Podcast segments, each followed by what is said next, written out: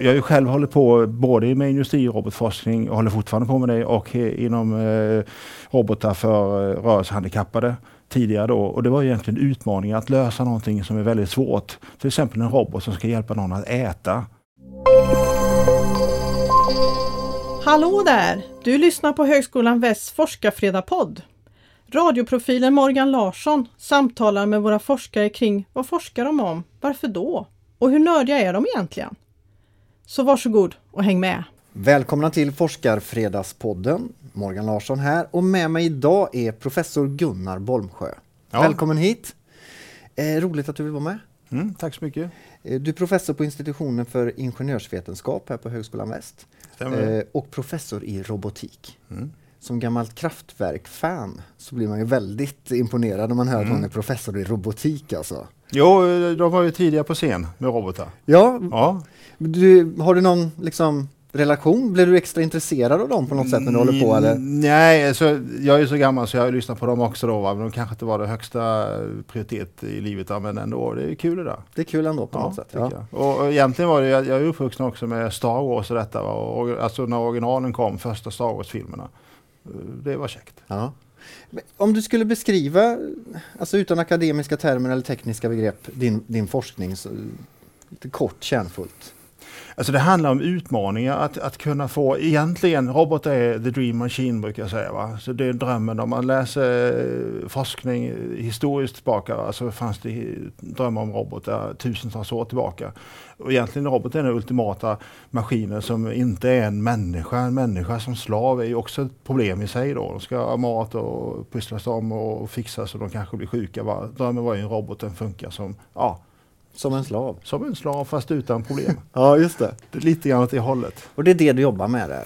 Man kommer in ja. lite på det här med Frankenstein och allt möjligt då eller? Ja, Ja, exakt. Eh, men Frankenstein skrevs ju 1817 då va? och eh, i den vevan så kom ju elektriciteten fram och då tänkte man liksom att eh, ja, liv som en, ja, man kunde väcka dem med elektricitet och grejer. Mm. Det var mekanik och dittan och dattan va? och då har vi kommit lite längre. Men i alla fall mm. åt det hållet. Ja. Men det är ju lite elakt då va, så vi vill göra den goda roboten. Just det.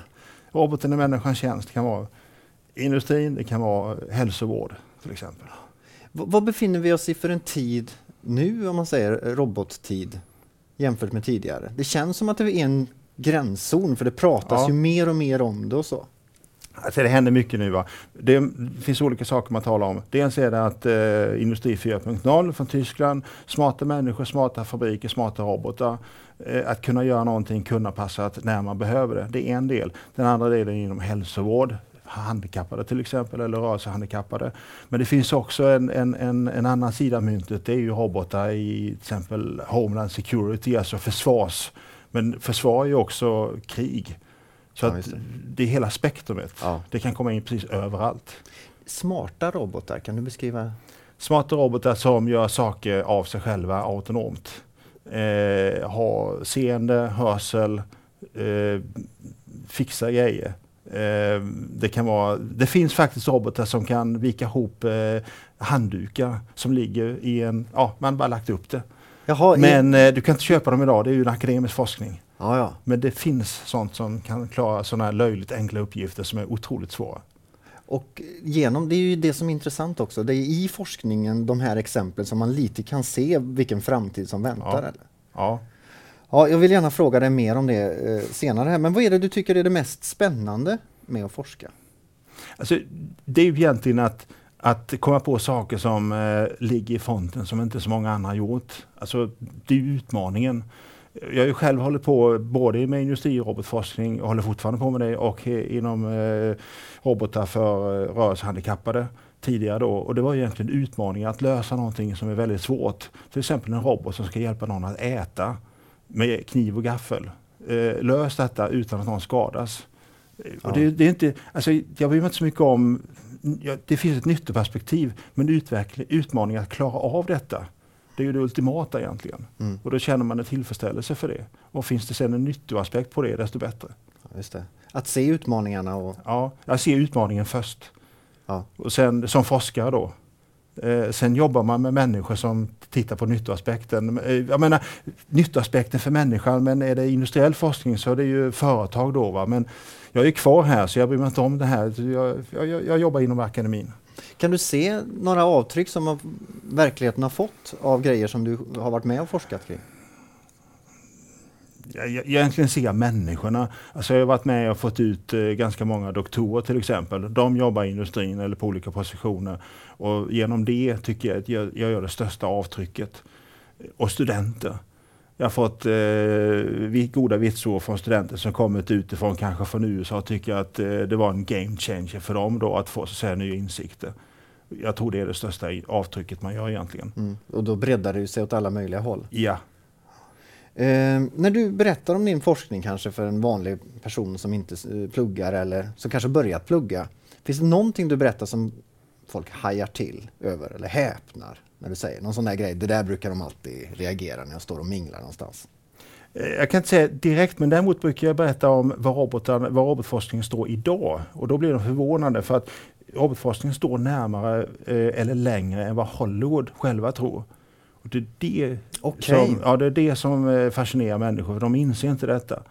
Eh, och det har hänt mycket nu sista 10-15 åren eh, som gör egentligen att eh, den forskning som militären lägger ner på inom begrepp vad vi kallar för servicerobotar ligger närmare verkligheten än vad många tror. Eh, det, Har du något konkret exempel? För alltså konkreta exempel är till exempel robotar som bär last då, som är mulåsna. 100-150 kilo till en soldat. De finns som fungerande prototyp idag. Men som kan som gå i terräng. ben och gå? Fyr, fyrbeningar. Kan gå i terräng, kan gå i, i, i bergsterräng som en bergsget ungefär. För när man ser, det finns ju på Youtube vissa klipp när de försöker göra robotar. De ja. brukar ju ramla ihop eh, ja. när de ska öppna en dörr. Ja. Men det säger du här att det Nej, där de klarar detta.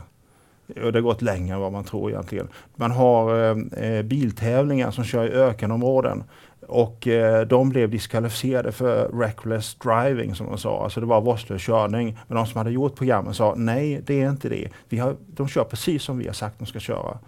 Eh, man har kommit det är så små marginaler så det ser ut som... Ja. Sen har du mer praktiskt då. Volvo kör ju patrolling då, alltså följer jag med lastbilar ner till Holland nu de här dagarna. Eh, man kan tjäna 15-20% bränsle om de kör väldigt nära varandra på highway, på motorväg. Alltså förarlösa ja, nu, ja, men nu sitter det förare i men tanken är att det ska vara förarlöst då naturligtvis. Ja. Så de kör helautomatiskt. Så det ligger mycket närmare idag än vad man trott tidigare. Så de här förarna sitter bara liksom och är beredda ifall ja. något skulle hända? Ja exakt. Utom den första då. Ja, just det. Eh, som, han, som han, han, är ju, för, han är ju John då, ja. så de andra följer John. Men vilka grejer, det är som en ja. puttrande kittel. Ja, det är det. För att allt detta nu, det snackar man om för 15 år sedan. Men nu ligger det närtid. Närtid för mig, det är inom en femårshorisont. Och då är det mycket, mycket närmare. Så det är ju någonting som, som händer idag egentligen. Vad, vad är det för en värld som väntar oss? ja, det vet man inte. Det är mycket diskussion om det här med jobless growth. Alltså att ja. vi, var finns jobben? Och det är väl det som är den så säga, samhällsekonomiska utmaningen. Det måste ju ändå så säga cirkulera. Vi, vi kan ju liksom inte ha grejer som sköts automatiskt. Vem ska... Ja, folk kan inte sitta hemma och inte ha ett jobb. Nej. Men eh, det vet inte jag. Nej, men det, det är ju en konsekvens av ja. det. Men, om men, vi bara men, ser men, till... men debatten ligger där idag mm. kan man säga. För tekniken på sådant sätt, det blir ett självspelande piano, det bara rullar på. Sen måste de som är inom humaniora och, och samhällsvetare se till att samhället håller ihop. Men jag vill ändå ha lite bilder här. Vad, vad kommer vi ha för robotar? Kommer vi ha är det vaktmästaren i huset eller i hyreshuset? Eller vad, vad? Man kan ta ett enkelt exempel. Ta McDonalds. Nu behöver inte det vara reklam för dem då, men alltså de som gör hamburgare, mm. Burger King, Max eller vad ni vill då.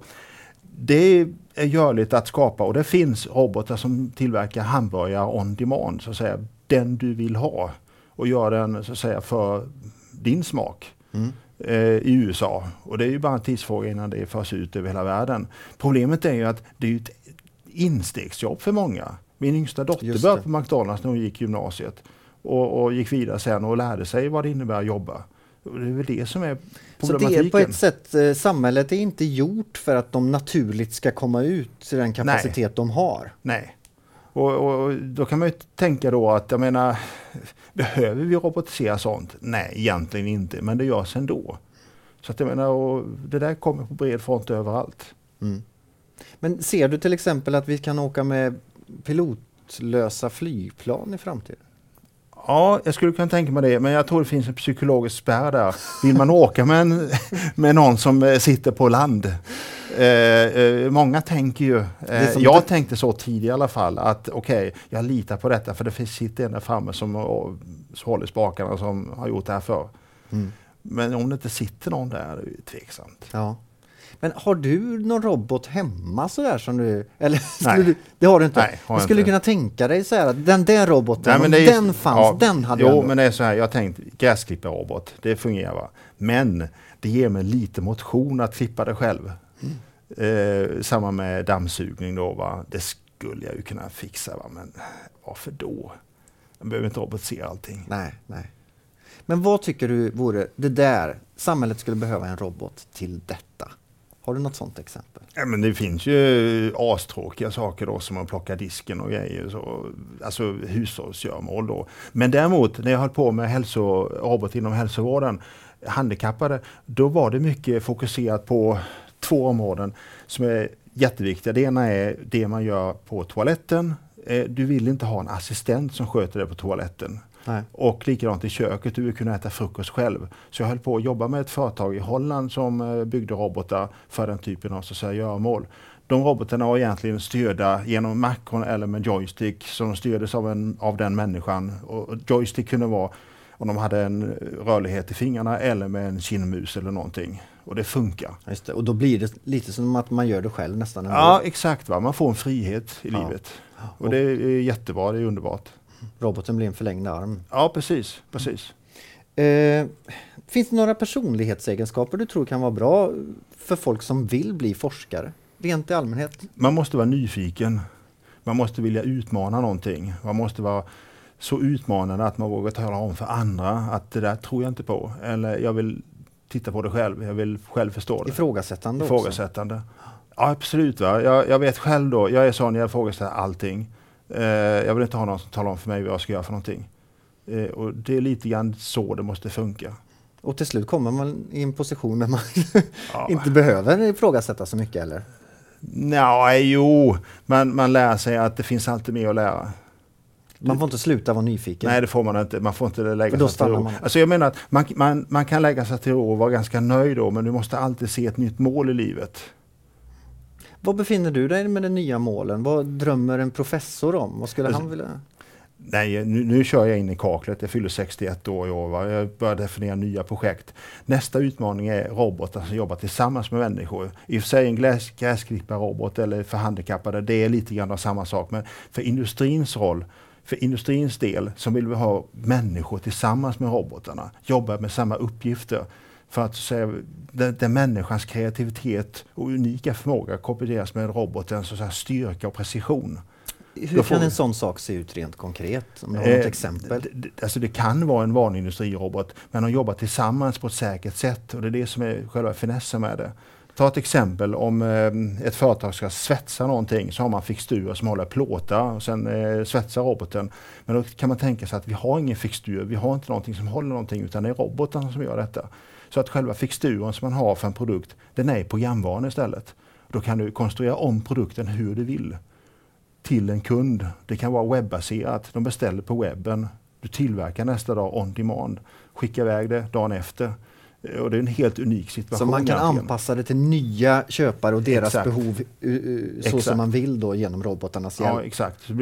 Det är också vad de kallar för, ja, lite svengelska, då en game change. Så att säga, vi förändrar hela, hela den här spelplanen, hur produkter tillverkas.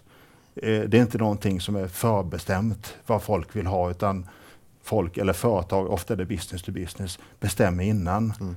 Jag vill ha detta nästa vecka och man kan tillverka det också. Inte imorgon men om 5-10 år kanske. Det finns också eh, filmer om robotar. Jag tänker på, har du sett en film som heter Her? Där det är en ja. som dejtar en dator, där datorn är en, som en person nästan. Okej. Okay. Ja, ja, Den är ju en robot liksom som han blir mm. kär i. Mm. Och, sådär. och den är väldigt stark den där filmen. Mm. För att eh, det känns så realistiskt och samtidigt så futuristiskt. Mm. Orealistiskt och mm. allting. Mm. Vad tror du om en sån grej? Jag, jag, jag gillar inte det konceptet egentligen för att det finns ju en gammal karton då så att säga. Där en, en gammal, vad sa du? En, en gammal så att säga, tecknad eh, seriestrip ja. så att säga. Och eh, ja, i alla fall är det en hund som chattar då med en annan människa över datorn. Och då står det On internet nobody knows you're a dog. Och det är väl lite grann samma grej då. Ja, han... eh, vem vet, vem är på andra sidan? Eh, Fast här är det ju en robot bara, han vet att det är en robot. Ja, jag vet det. Och eh, robotar klarar det här så kallade Turing-testet idag. Alltså det vill säga att du kan inte idag, du, du, kan skapa program som en robot och du vet inte vem du snackar med. Eh, datorer, det är ju datorer då, de är ja. så intelligenta så att du vet inte vem du snackar med egentligen. Och det är väl ett problem i sig. Uh, nej, men personligen gillar inte jag det. Kan du inte beskriva varför du inte gillar För det är ju kusligt. Nej, men jag, jag är mer så att säga in real life eh, på det sättet. Jag är inte med i Facebook ens. Du vill se robotarna mer som en förlängd arm som rent praktiskt hjälper ja, folk? Ja, det tycker jag nog. Än att de ska läsa ens tankar? Och... Eh, ja, men vi kommer ju därhen att eh, jag menar, googlar man på eller om man söker på internet på Google, va, då kommer direkt upp eh, annonser efter nästa sökning. Ska du inte köpa detta? Så det är klart att man försöker styra och ställa i huvudet på folk. Robotarna har redan klivit in i våra... Det är robotar, absolut. Men vad tror du då? Det, hur kommer det att gå i framtiden här med robotar och allting? Alltså det finns ju en uh, science fiction-rulle som heter Minority Report. Och det är 2054 och då går man in i en affär och sen så skannar den ögat automatiskt och säger Good day Mr Yamamoto. What can, can we offer today? Där är vi snart. Eh, på gott och ont. Eh, ja, någonting dit, ditåt kommer mm. Vi får försöka fylla robotarna med så mycket godhet vi kan helt enkelt. Ja, så är det. Mm. Tack så jättemycket för att du ville vara med Gunnar ja. Borgsjö. Ja, tackar för det. Du har nu lyssnat på Forskarfredagpodden från Högskolan Väst. Det är en del i serien om våra forskare och vad som inspirerar dem.